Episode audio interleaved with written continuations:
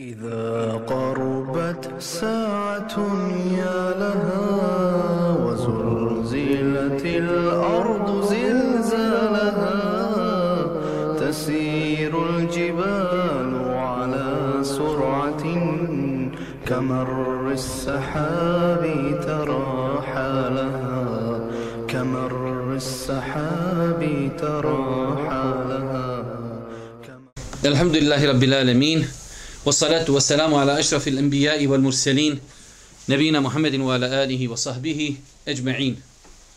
Rabbi šahli sadri wa jesir li emri vahlu l'uqda min lisani jefqahu qavli. To je svaka zahvala pripada uzvišnjom Allahu tebara kao ta'ala, salavat mir i selam na Allahog sanika, Allahog minika Muhammeda, alaihi salatu wa salam, njegov častnu porod, suzor te ashabi i sve ljude koji slijede put istinu sudnjega dana. Uvažno, braćo, kao što znate, četvrtak nakon jacije namaza naš ustavni termin u kojem se družimo u projektu Čitaone u kojem smo hvala uzvišom Allahu subhanahu wa ta'ala do sad okončali i pročitali dosta korisnih knjiga. Trenutno smo počeli sa čitanjem knjige Vjerovanju sudnji dan autora Alija Salabija i kazali smo ako Bog da kako budu knjige izlazile, a za par dana bi trebala da iziđe druga knjiga vjerovanju u meleke. Mi ćemo tako inšala i čitati te knjige i da zaokružimo e, taj serijal emisija i serijal predavanja komentar šest temelja imana. Šeh doktor Ali Esalabi je napisao o svim temeljima imana, ruknovima, napisao je po jednu knjigu. Trenutno čitamo knjigu Vjerovanju u sudnji dan. Rekli smo, islamski učenjaci kada govori o sudnjem danu, skoro pa neminovno, ako su to zasebna djela, uvijek govori o tom momentu čovjekovog napuštanja Dunjaluka, pa neki o tom prije toga govori i o duši, jer je veoma bitno da čovjek svati pitanje duše, nakon toga znači dolazi smrt, odlazak sa Dunjaluka, govorili smo o različitim vrstama smrti, o različitim faktorima koji uzrokuju lijepu završnicu na Dunjalku i faktorima koji e, uzrokuju lošu završnicu. Nakon toga smo govorili o različitim načinima odlaska sa Dunjalka kad su u pitanju vjernici i nevjernici. Govorili smo kako ehli sunnet, odnosno ispravno vjerovanje u pogledu e, berzaha, zagrobnog života, postojanje života u kaburu.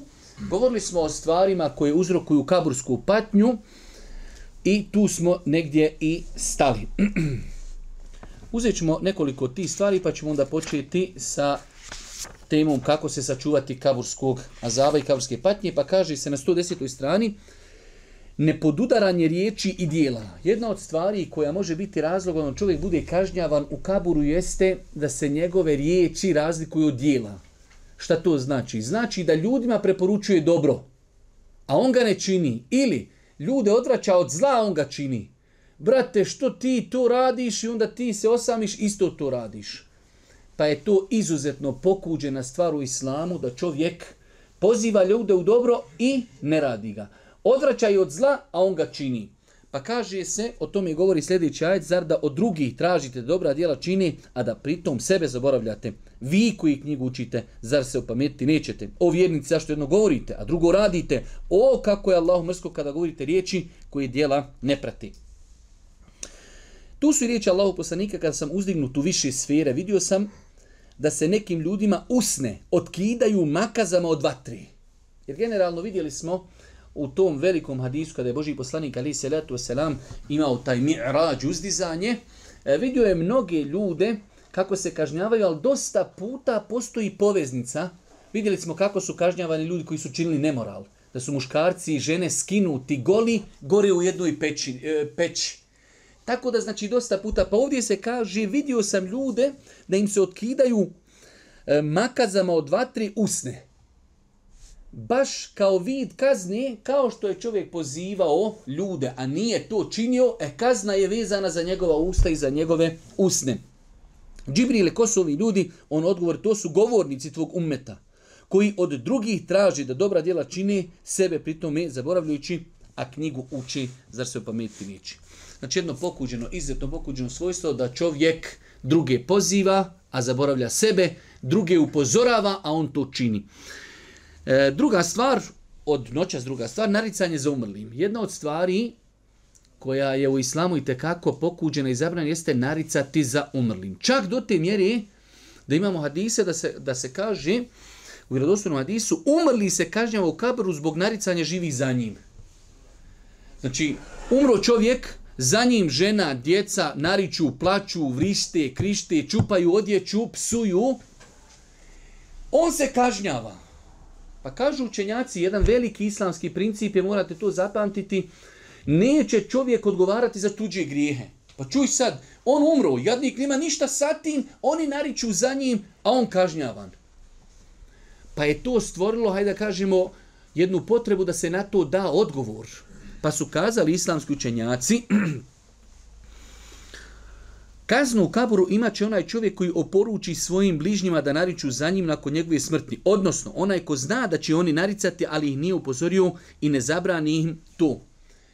Znači, ovaj hadis u kojem stoji da, se, da će se medit kažnjavati zbog naricanja, odnosi se na situaciju kad je on tražio ili znao je da mu žena i djeca inače nariču i nije upozorio, nije kazao ali e, on upozorio i njega zakopali oni nariču, neće on zbog toga biti griješan zato što je on poduzeo ono što je mogu, a u islamu rekli smo čovjek nikada neće odgovarati za tuđi grijeh.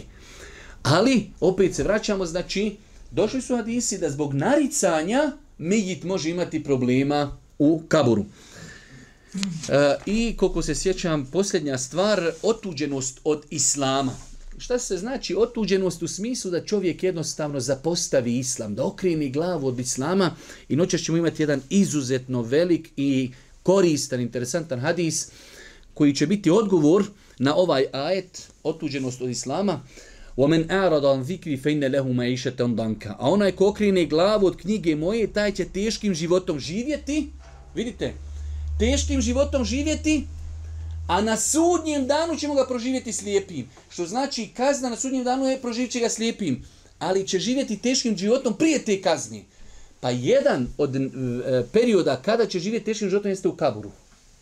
Vidjet ćete o tome ako Bog da jedan izuzetno težak hadis. Kaže nam autor nakon toga na 113. strani kako se sačuvati od kaburske patnje. Dobro, mi smo sada govorili o dijelima E, znači, nemoj sine samo tu, tu, tu je mokro, ne možeš tu, nikako. Moraš gore doći na tepi, gore je toplo. Slobodno, bravo. E, znači, govorili smo o dijelima kako se sačuvati, odnosno šta može uzrokovati patnju kabursku. Sada govorimo kako i čime se zaslu, e, spasiti i sačuvati od kaburske patnji. Ovdje nam je naveo autor jednu interesantnu i lijepu tezu, a to je da čovjek svaki dan – prije nego što legni spavati, odnosno kad legni, prije što zaspi, da sa sobom svodi račune. I to je, vjerujte, ko može uvesti sebi tu u životnu praksu. Da svaki dan analizira svoj život. I da kaže, aha, danas sam uradio dobro djelo 1, 2, 3, 4, alhamdulillah, nastavi.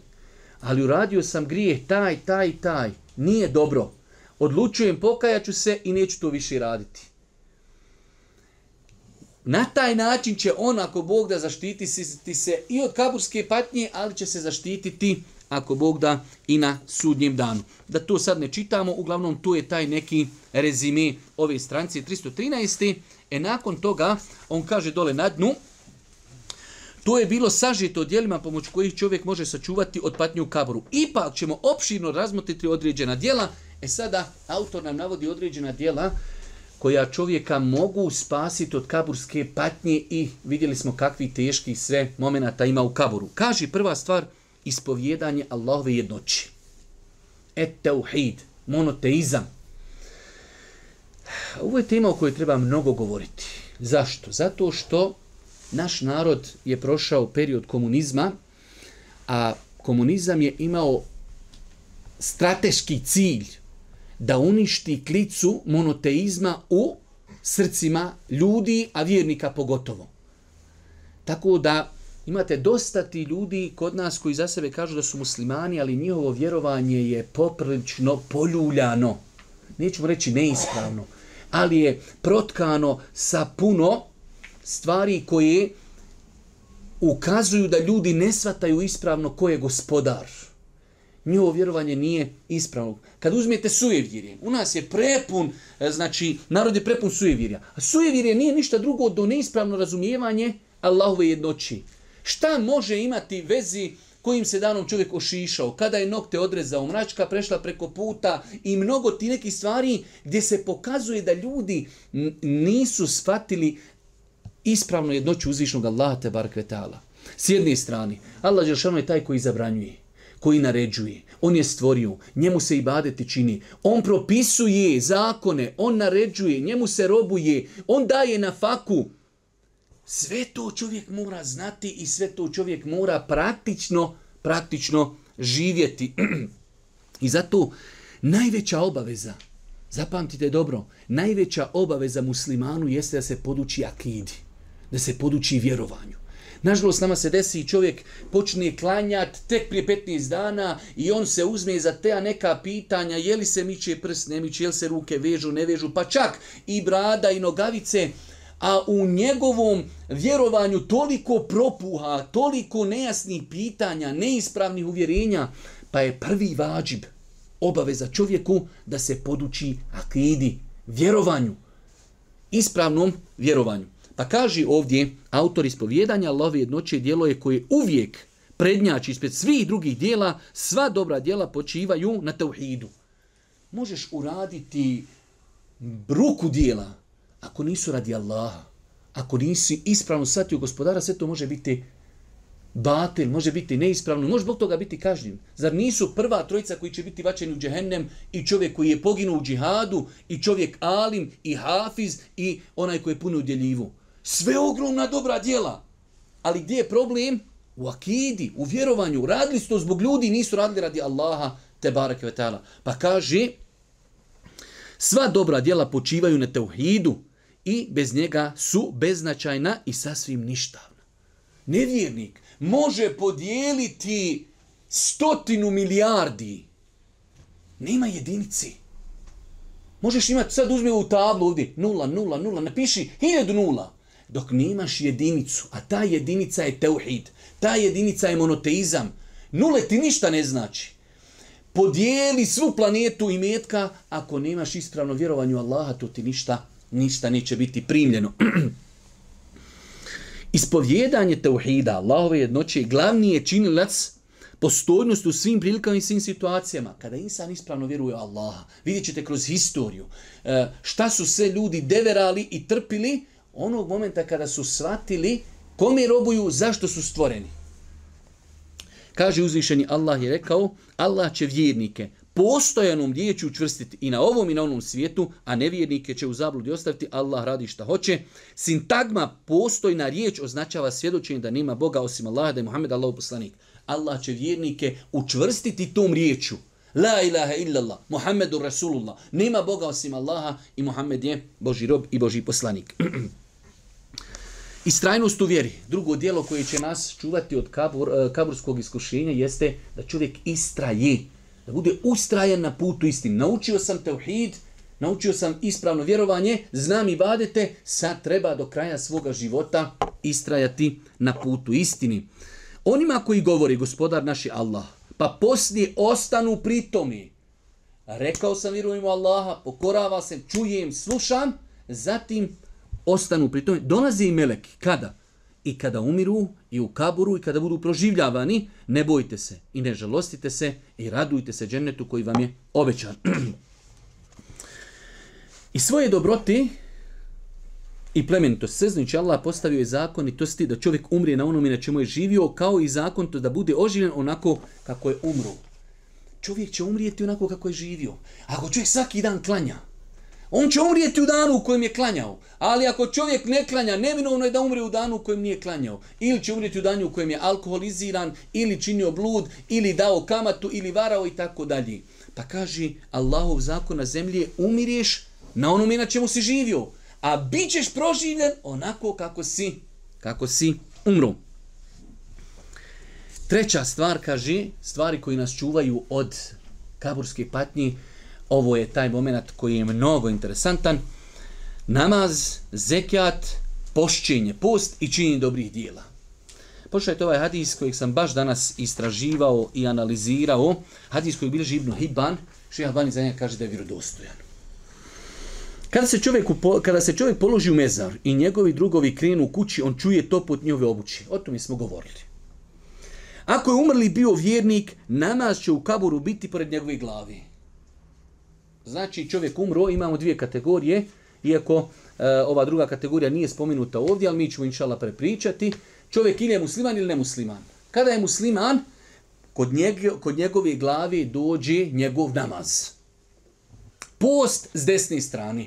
Desna strana tijela, tu stoji post, s lijeve strane stoji zekjat.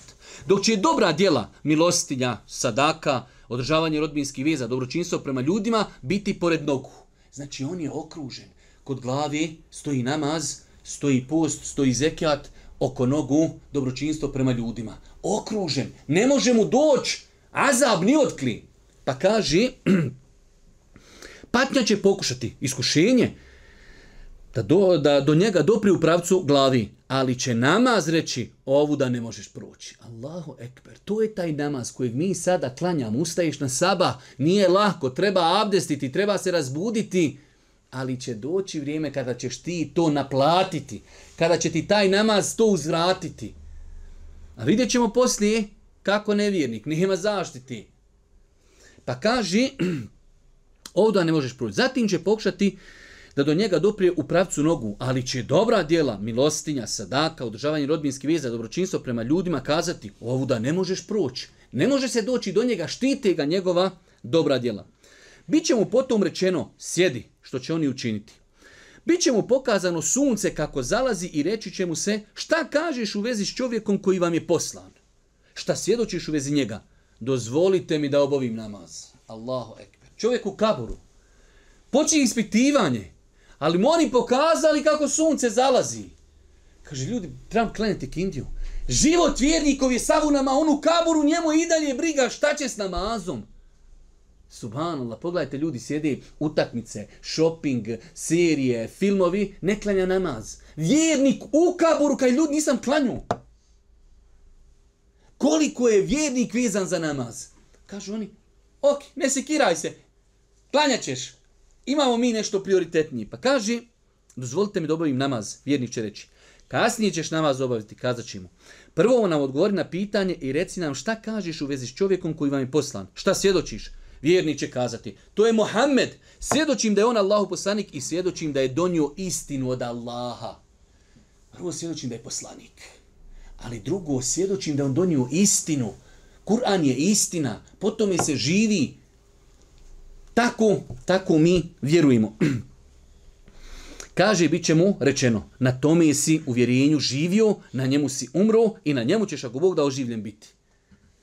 Na to mi si živio, tako si umro i tako ćeš biti proživljen da vjeruješ u Allah, te varka vjeruješ u njegovu knjigu. u tom će mu biti otvorena jedna vrata prema džennetu i reće mu se, eno, ono je tvoje mjesto u džennetu. Ono je tebi Allah u džennetu pripremio. Zato smo vidjeli onim prija hadisma, kaže mjernik to, ja rab danik sutra počne sudnji dan.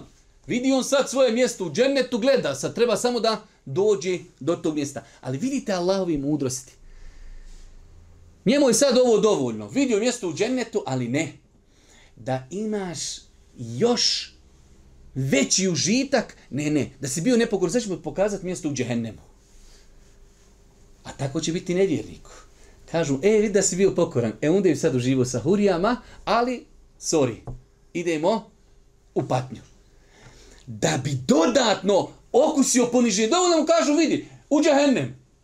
Ne, ne, od da vidiš i džennet. E, ovdje si trebao biti. Pa kaže,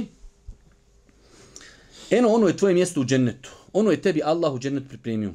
Zato što ćeš biti stanovnik dženneta, zato što će biti stanovnik dženneta, vrijednik će se još više obradovati i obuzet će ga još veća sreća. Nakon toga bit će mu otvorena jedna vrata prema džehennemu i reći će mu se, eno, ono bi bilo tvoje mjesto i onako bi ti, eh, onako, ti je Allah kaznu pripremio da si mu bio neposlušan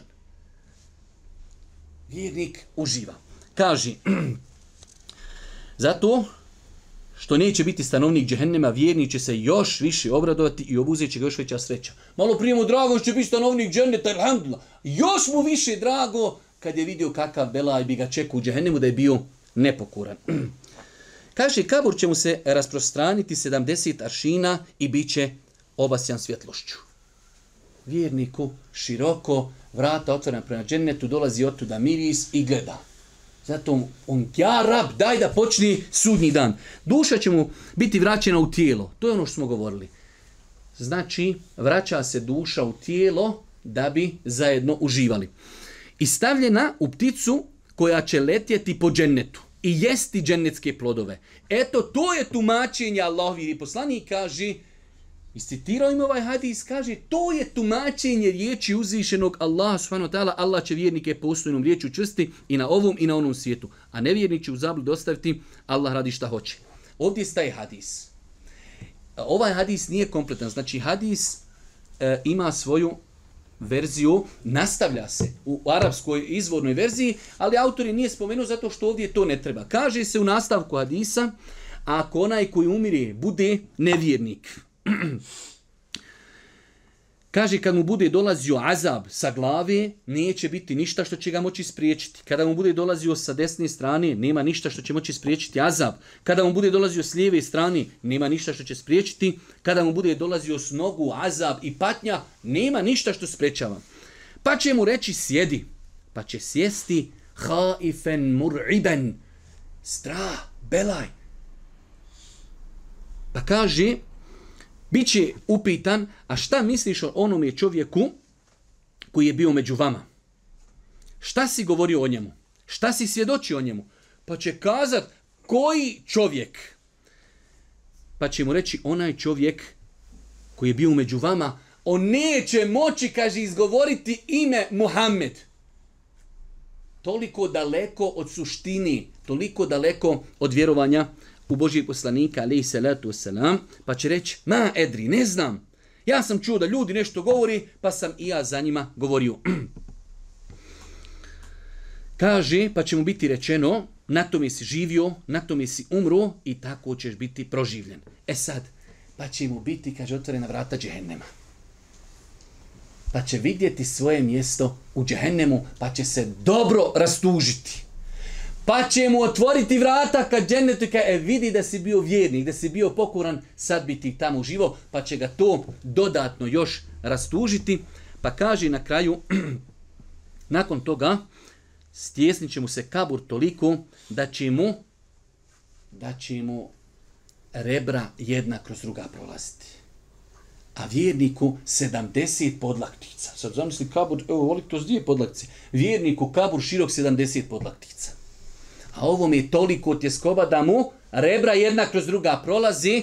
E kaže, ovo je na od početka, pa je poslanik rekao, to su vam riječi uzvišenog Allaha subhanahu wa onaj ko krene glavu od knjige moje, teškim će životom živjeti. A na sudnjem danu će biti tako kažen. Pa je ovo ta patnja koja je obećana nevjernicima u znači kaburu. Pogibja na Allahovom putu. Jedna od stvari koja čovjeka štiti od kaburskog zaba čovjek dadne život za Allaha, da dadne život za Islam. To je najveći stepen Islama. Zato kad su poslanika ali se Alatu selam pitali, veli poslaniće, rekao si mnogi hadise u kojima stoji da će šehidi biti sačuvani kaburskog azaba. Njima je kad je bilo dovoljno, bilo im je dovoljno azaba što su im sablje iznad glavi zeketale. Kako je Allah pravedan i milostiv u žihadu ratuješ, letiš, gineš, granate, prija sablje, kaže to je do, oni su prošli taj ispit. Dovoljno je njima belaja bilo na dunjalku da su im sablje iznad glavi zvižale, oni su pošteđeni zbog toga kaburskog azaba. Imam ovdje nekoliko znači eh, hadisa koji nam je autor citirao, ali oni svi ukazuju na to da, eh, da je Boži poslanik Ali Seletu Selam potvrdio da će šehidi, ljudi koji dadnu svoj život za Allaha bar katala, za Allahov din, za Allahu vjeru, da će biti sačuvan kaburskog Na kraju vamo na 219. stranci kaže se u hadisu Šehi će kod Allaha imati šest odlika. Biće mu oprošteni grijesi s, prvi, s prvom kapi krvi. Zato je u, životu, uvijek vam je bilo prija kada su ono muslimani ratovali protiv nemuslimana, pa ovi pošalju neke ono svoje špijune da vide ko su, šta su, da napravi strategiju. Vrati se, kaže, nema strategije, nemoguća misija. Ovi, kaže, ljudi vole smrt više ni život. Ne mreš, se ne napraviti strategiju, on hoće da bude šehid. Ne mreš protiv njega napraviti strategiju, nemoguća misija. Kad koliko mi uspijemo bižati, toliko on leti za nama. Mi hoćemo živa, oni hoće da poginu u čoveče. I zato, to su te odlike. Pa kaži, bit će mu oproštene prva kap. Pogođen, kap, pala, gotovo. Sve oprošteni, oprošteni grijesi. Prva stvar. Druga stvar, bit će mu pokazano njegovo mjesto u džennetu. Či znači, šehid poginuo i zato ćete vidjeti nekada ljude poginuli osmije na licu. On vidio Hurije, tako, tako se jadnik i zaledio, vidio Hurije, vidio svoje mjesto u džennetu i tako ostao nasmijan. Biće mu pokazano njegovo mjesto u džennetu. Biće sačuvan od kaburske patnje. Biće siguran od najvećih straha. Biće mu na glavu, na glavu stavljena kruna dostojanstva. A jedan njen dragulj bolji od ovog svijeta i onoga što je na njemu. Znači njemu će staviti krunu na toj kruni jedan samo dragulj, bolji od cijelog Dunjaluka i sve što je na Dunjaluku. I kaže, bit će oženjen sa 72 hurije i moći će se zauzimati za 70 svojih rođaka. Imaće mogućnost šefata za uzimanje, zato je počast da u jednoj rod, e, familiji, u jednoj poroci imaju čovjeka za kojeg se nadaju da je šehid, jer će on imati pravo i mogućnost da se kod uzvišnog Allah varka ta zauzima za 70 članova svoje porodici. Čuvanje straži u borbi na Allahom putu je također od dijela koja čovjeka čuvaju, koja čovjeka čuvaju od kaburskog azaba. Od dijela koja na 120. strani traženja Allahove zaštite od kaburske kazne. Znači mi smo govorili da je propisano da čovjek prije selama, nakon što prouči etehijatu pa salavate, Propisano je prije selama da čovjek se utječe Allahu Đelšanu u četiri stvari, od deđala, od iskušenja života, života i iskušenja smrti i da se utječe Allahu od kaburskog, od kaburskog azaba. Nakon toga, kaže nam autor, i od metoda jeste da čovjek izbjegaje sve ono što vodi, vodi do patnje u kaburu. Sve ono što vodi do patnje u kaburu, čovjek treba da se čuva E, svih tih nekih dijela. Gdje se u Berzahu nalaze duše? Gdje se u Berzahu nalaze duše? Kaže nam autor, odnosno prije toga da se ovdje sam vratim, da bismo bili pošteđeni patnje u kaporu, potrebno je da izbjegavamo sve ono što do te patnje vodi. Imamo, mi ratujemo na dva fronta na frontu smo, činimo dijela da bi se spasili, ali isto tako e, izbjegavamo dijela. Pogotovo imate dijela, rekli smo treba izbjegavati generalno sve grijehe. Ali imamo dijela koja su jasno došla, ako to dijelo budeš činio, bit ćeš posebno kažnjavan u džehennemu, odnosno u kaburu. Pa kaže nam autor, da bismo bili pošteđeni patnje u kaburu, potrebno je da izbjegamo sve ono što te, te patnje vodi. Već smo govorili o dijelima koja imaju za posljedicu kabursku patnju, a posjećemo na ova djela. Prenošenje tuđih riječi. Znači, došlo je u posebnim hadisima da je Allah poslanik ali se letu upozorio na prenošenje tuđih riječi i kazao da zbog toga će čovjek biti kažnjen u kaboru. Rekli smo prošli put da se misli na prenošenje riječi s ciljem zavađanja ljudi. Čovjek kada je prenosio ilm, prenosio znanje, to je pohvalno, ali čovjek bio kod jednog pa kaže jesi čuo šta priča od tebi ovaj i bio kod drugog jesi čuo šta priča od, tebi ovaj. Prenosi riječi kako bi ljude posadio, za takve ljude posebno spomenut, e, znači posebno spomenuta patnja u kaburu. Nečuvanje od mokreći. Prošli put smo o tome malo isto govorili detaljno, da imamo ljude koji klanjaju, ljudi koji idu u džamiju, Znači, inače, generalno kod nas mentalitet je da ljudi imaju neko ubjeđenje kao mokraća nije nečista, e, samo se e, čiste od, e, nakon velike fiziološke nužde, za mokraću velik broj ljudi se nečisti. Što je opasno. Znači, ne postoji s aspekta fikskog, pravnog, mokraća nečistoća kao izmet. I ne očistiti se od jednog je kao ne očistiti se od drugog. Imate ljudi, dođe neće do, dođe do WCA, do i on pored WC-a obavi nuždu i ode ko bajagi možda i će i abdes i šta će, ali znači je očistio, nije on ušao u WC uopšte, kamol da je se očistio.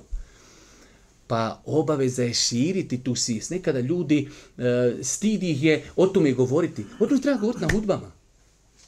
To su propisi. Boži poslanik, vidjeli ste kad je prošao je pored dva kabura, pa je uzeo grančicu koja je bila e, svježa, pa je za, zabo u te kaburu i kaže la'allahu yukhaffafu anhuma malem jajbesa. Možda Allah dadi da im malo ublaži kabursku patnju dok se ove dvije granice ne osuši. Toliko se kažnjavaju.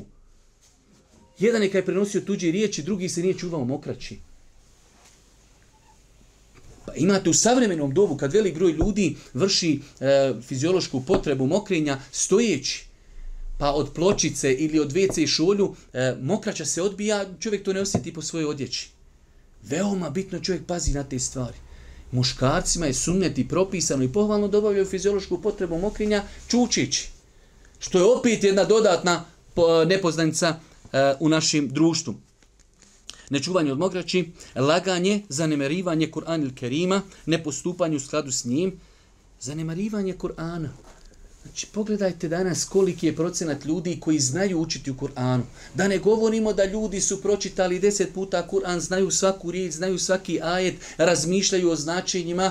Koliko sam puta o tome govorio, eh, nama dajama najmanje pitanja dolazi, iz kuranskih nauka i o ajetima. Zato što niko ne čita. Ja garantujem da čovjek pročita Kur'an minimalno na 20 ajete i rekao šta li ovo znači, ja moram nekog pitati ali pošto ne čitamo da niko ništa ne pita, sve je jasno i mirna Bosna.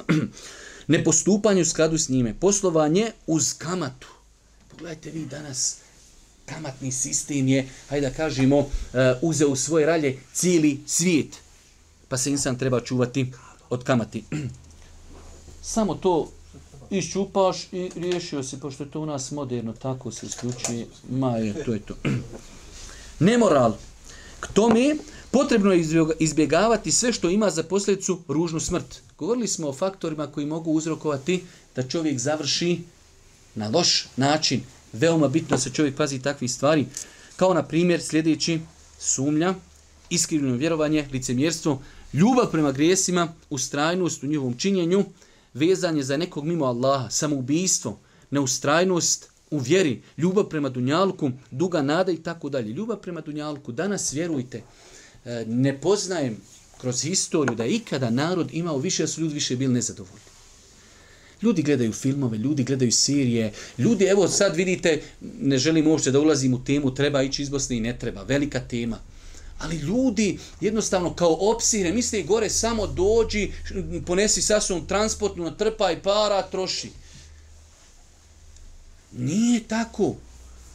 Znači, dobro treba zavrnuti rukave, treba raditi. Standard je kako težak. Kada, su u pitanju e, prakticiranje propisa, mnogo može biti problema. Kada su u pitanju djeca, kada je u pitanju djevojka, kada je u pitanju hijab, kada je u pitanju mnogi neki propisi. Ali ljudi zažmiri, ništa me tu ne interesuje, samo idim. Pa je jedna e, opasna stvar vjerujte, o kojoj treba vjerovatno u budućnosti govoriti, mene ne bi bilo strah da naši ljudi gore idu, idu zato što gore mogu biti veći vjernici. Od 90, znači od 100% ljudi koji gore idu, 98% ljudi ide gore sam zbog dunjalka. To je mnogo opasna stvar. Ne kažem da ne treba, ali Previše su ljudi vezani za Dunjaluk. Ja znam da velika većina ljudi kad slušaju ovakva predavanja, zato što smo mi toliko sad u tome ogrezli, teško je ljudima o tome pričat. Toliko smo mi sebi standarde podigli. Da sad kad neko priča, nemoj se vezivati za Dunjaluk, pa diraš šta god hoćeš, sam nemoj u to dirat vrati samo 30 godina unazad, 40 godina unazad, kako su živjeli naši djedovi i naši očevi. I normalno ljudi živjeli, imali potomstvo i tada ljudi koji nisu imali penzije, nisu imali firme, imali su po sedmero, osmero, devetero, dvanestero djeci. Danas čovjek radi, žena radi, jedno ljudi kaže, ko će ga hranit? Pa eto radite, Allahu ekvir, pa eto nahrani ga. Prije čovjek jedan na selu, ne, ne, zna, čitav život s prstom se potpisuje, e, onaj, i dvanestero djeci. Svi kad čuo da je u nekog djete umrlo od gladi. A danas ne možeš kad kraj s krajem, žena radi, čovjek radi i samo jedno dijete. Zato što smo zinuli previše na Dunjaluk. Svi, generalno. A dodatno su zinuli na Dunjaluk oni koji su spremni da zbog Dunjaluka zapostave Allahove granice. U redu, možeš stići. Pa eto, Allah ti dao kuveta i snagi. Klanjaš, postiš, nosiš hijab i 20 radnih sati u toku dana. guli dok ne pukniš. Ali gulit, ali zaboravio nama, zaboravio po, zaboravio zaboravila hijab, uzimaš kamatu. Onda apsolutno smo dali prednost Dunjaluku nad Ahiretom. Duga nada i tako dalje. Duga nada. Znači danas iako vidimo, otvoriš novine, znači, ovoga udarlo auto, ovoga ovo, ovaj spao, onaj ovdje, onaj ondje. Ljudi umiru, mladi. Ne, ba, nikome ne pada pamet, možda ću ja sutra završiti dunjalučki život. Sve su to kod nas, tu smo uvijek imamo dugoročne planove. Inače muslimani imaju ni u čemu dugoročne planove, osim da će dugo živjeti. To je uvijek dugoročni plan i napravit ću kuću, pa ovo, pa djeca, pa unuča, pa praunuča, pa bijele pčele, pa ne znam, nija crvene, već kakvih sve čela oko njega ima. Niđe ne piše, a možda ću umrt. Znači, došlo u hadisima prosječna životna dob ovog umeta od 60 do 70 godina. E, čovjek došao u 60. godinu, ma ko da je njemu 18 godina? Ma ništa. Pa brate, ti si jednom nogom u kaboru, Pripremaj se.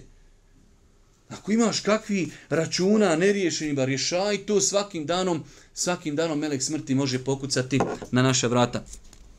Gdje su u Berzahu nasta, gdje se u Berzahu nalazi duše? Znači, od, pita, od pitanja koja će nam autor e, pojasniti prije što krene sa govorom o preznacima sudnjih dana i ovo je kraj ovog, da kažemo, poglavlja, nakon što je govorio o duši, govorio o kaburu, završava, znači, e, govor gdje se nalazi duše. Pa nam kaže autor duše vjerovjesnika, odnosno ovdje kaže, studirajući vjerske tekstove koji se bavi time, možemo kazati da se duše u Berzahu nalazi na različitim stepenima i da u vezi s tim postoji nekoliko kategorija ljudi, o svakoj ćemo kategoriji kazati nešto kratko rezimirano. Duše vjerovjesnika i poslanika, apsolutno najbolji ljudi su vjerovjesnici i poslanici i logično je da su njihove duše na najuzvišenijem i najboljem mjestu. Pa kaže, duše vjerovjesnika i poslanika nalazi se na najuzvišenijem stepenu u uzvišenom društvu. U vezi s tim Aisha radijallahu ta'ala kazuje, pored vjerovjesnika sallallahu alaihi dok je bio na e, samrti, bila je posuda s vodom u kojoj je zamakao šake i kvasio lice vodom te govorio nema Boga osim Allaha. Zaista smrt donosi muke. I smrt ima svoje muke. Potom, potom je podigao ruku i počeo govoriti s uzvišenim društvom. To je govorio sve dok mu ruka nije klonila i duša napustila tijelo. S uzvišenim društvom. Fi rafiqi el a'la. Ide u visoko društvo gdje će biti u društvu sa ostalim u društvu sa ostalim poslanicima, pa su znači na najposebnijem mjestu duše Allahovi poslanika i vjerovjesnika.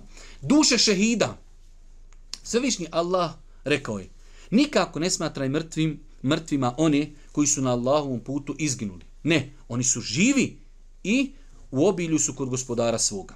Objašnjenje ovog kuranskog ajeta nalazi se u predaji koju je prenio Ibnu Mes'ud radijallahu ta'ala. Naime, njega je Tabi'in Mes'ruku pitao šta znači te riječi, a on mu je rekao mi smo o značenju tog ajeta upitali poslanika. Vidite, vidite kako je znanje ima svoj lanac prenoslaca. Mes'ruk pita Ibnu Mes'uda Šta znači ovaj ajet? Kaj mi smo o tom ajetu pitali poslanika, sad će reći šta je nama poslanik rekao. To je znanje da imaš lanac prenosilaca, da ne dođeš ti lupiš nešto nikad niko u historiji čovječanstva to nije rekao prije tebe. što je rekao taj alim u toj knjizi, taj mezer, tako rekao. Kaže, sad ću ja tebi kaza šta je nama rekao Boži poslanik u pogledu ovog ajeta, ولا lime لمن يقتل في سبيل الله Nemoj da kažete i da smatra su ljudi koji su poginuli da su mrtvi.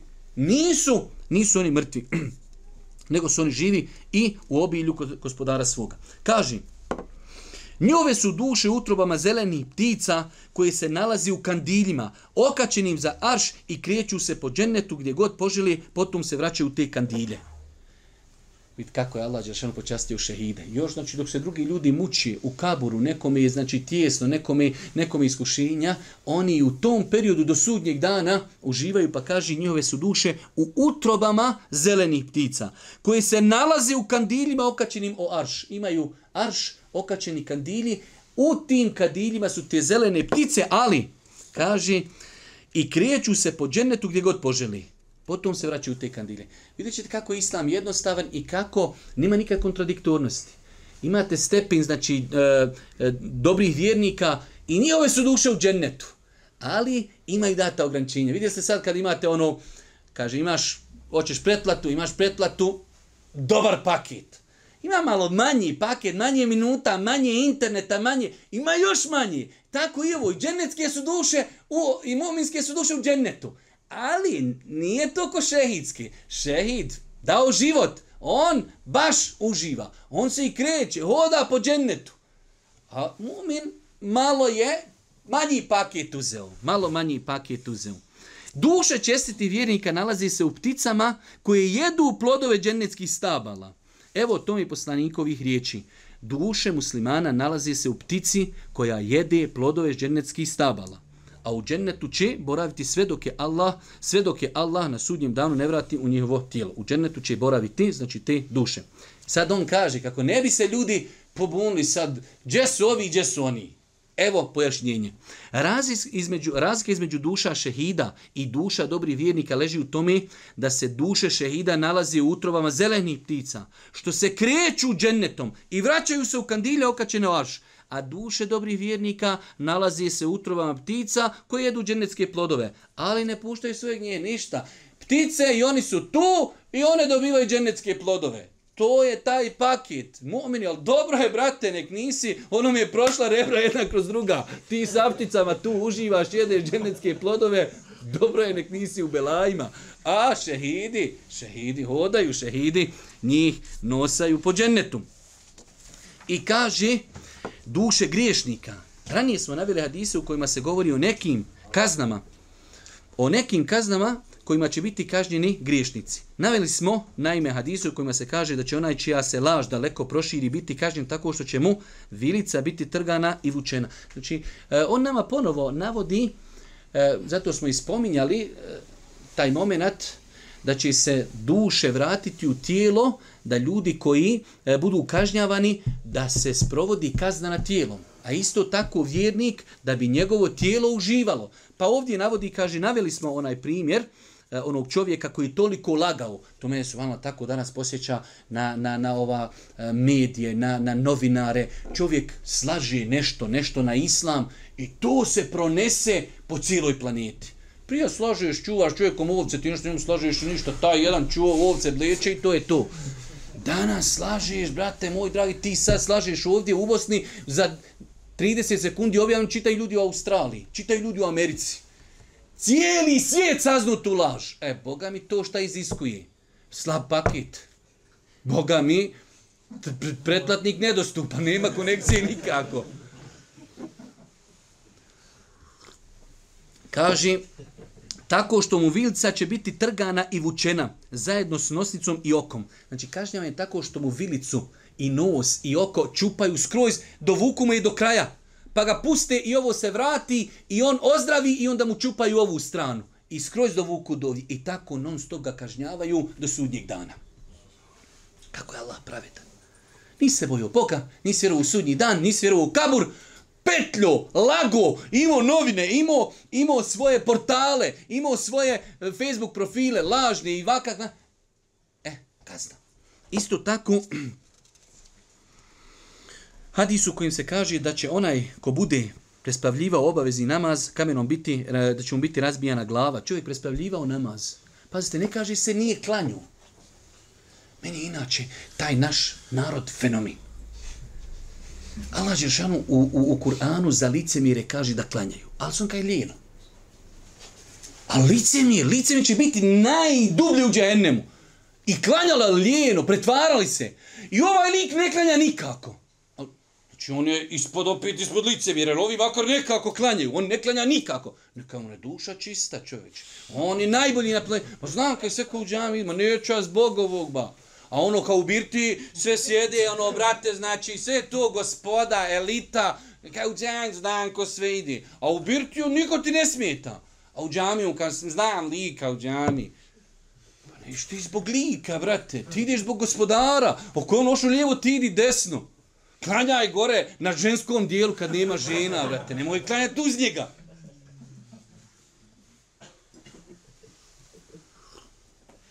Hadis u kojem se navodi da će bludnici i bludnice biti kažnjavani u tjesnom prostoru, sličnom furuni, koji će na vrhu biti tjesan, a na du širok. Te da će vatra gorjeti ispod njih.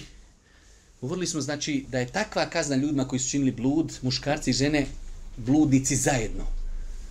U nekoj velikoj furuni koja je gore uska, pa ih ozdol potjera vatra i oni krenu da iziđu gore i onda se vatra stiša. I tako cijelo vrijeme vatra, oni krišti, vrišti, goli, sve zajedno u vatri. Hadis u kojem se kaže da će oni koji budu poslovali uz kamatu biti kažnjeni tako što će plivati u rijeci od krvi i na obali te rijeke gutati kamenje. Ljudi se kupaju u rijeki od krvi i kad dođu, ono, došao na obalu, u usta mu stavi kamenje. Također smo naveli hadise u kojima se govori o kazni za nečuvanje od mokraće, prenošenje tuđih riječi, utaj ratnog klina i tako dalje. I duše nevjer. Ovo su bile duše vjernik, musliman je on, ali radio velike grijehe. E sada imamo još, kaže, duše nevjeru u hadisima u kojem je, e, u hadisu u kojem je govorio o počasti,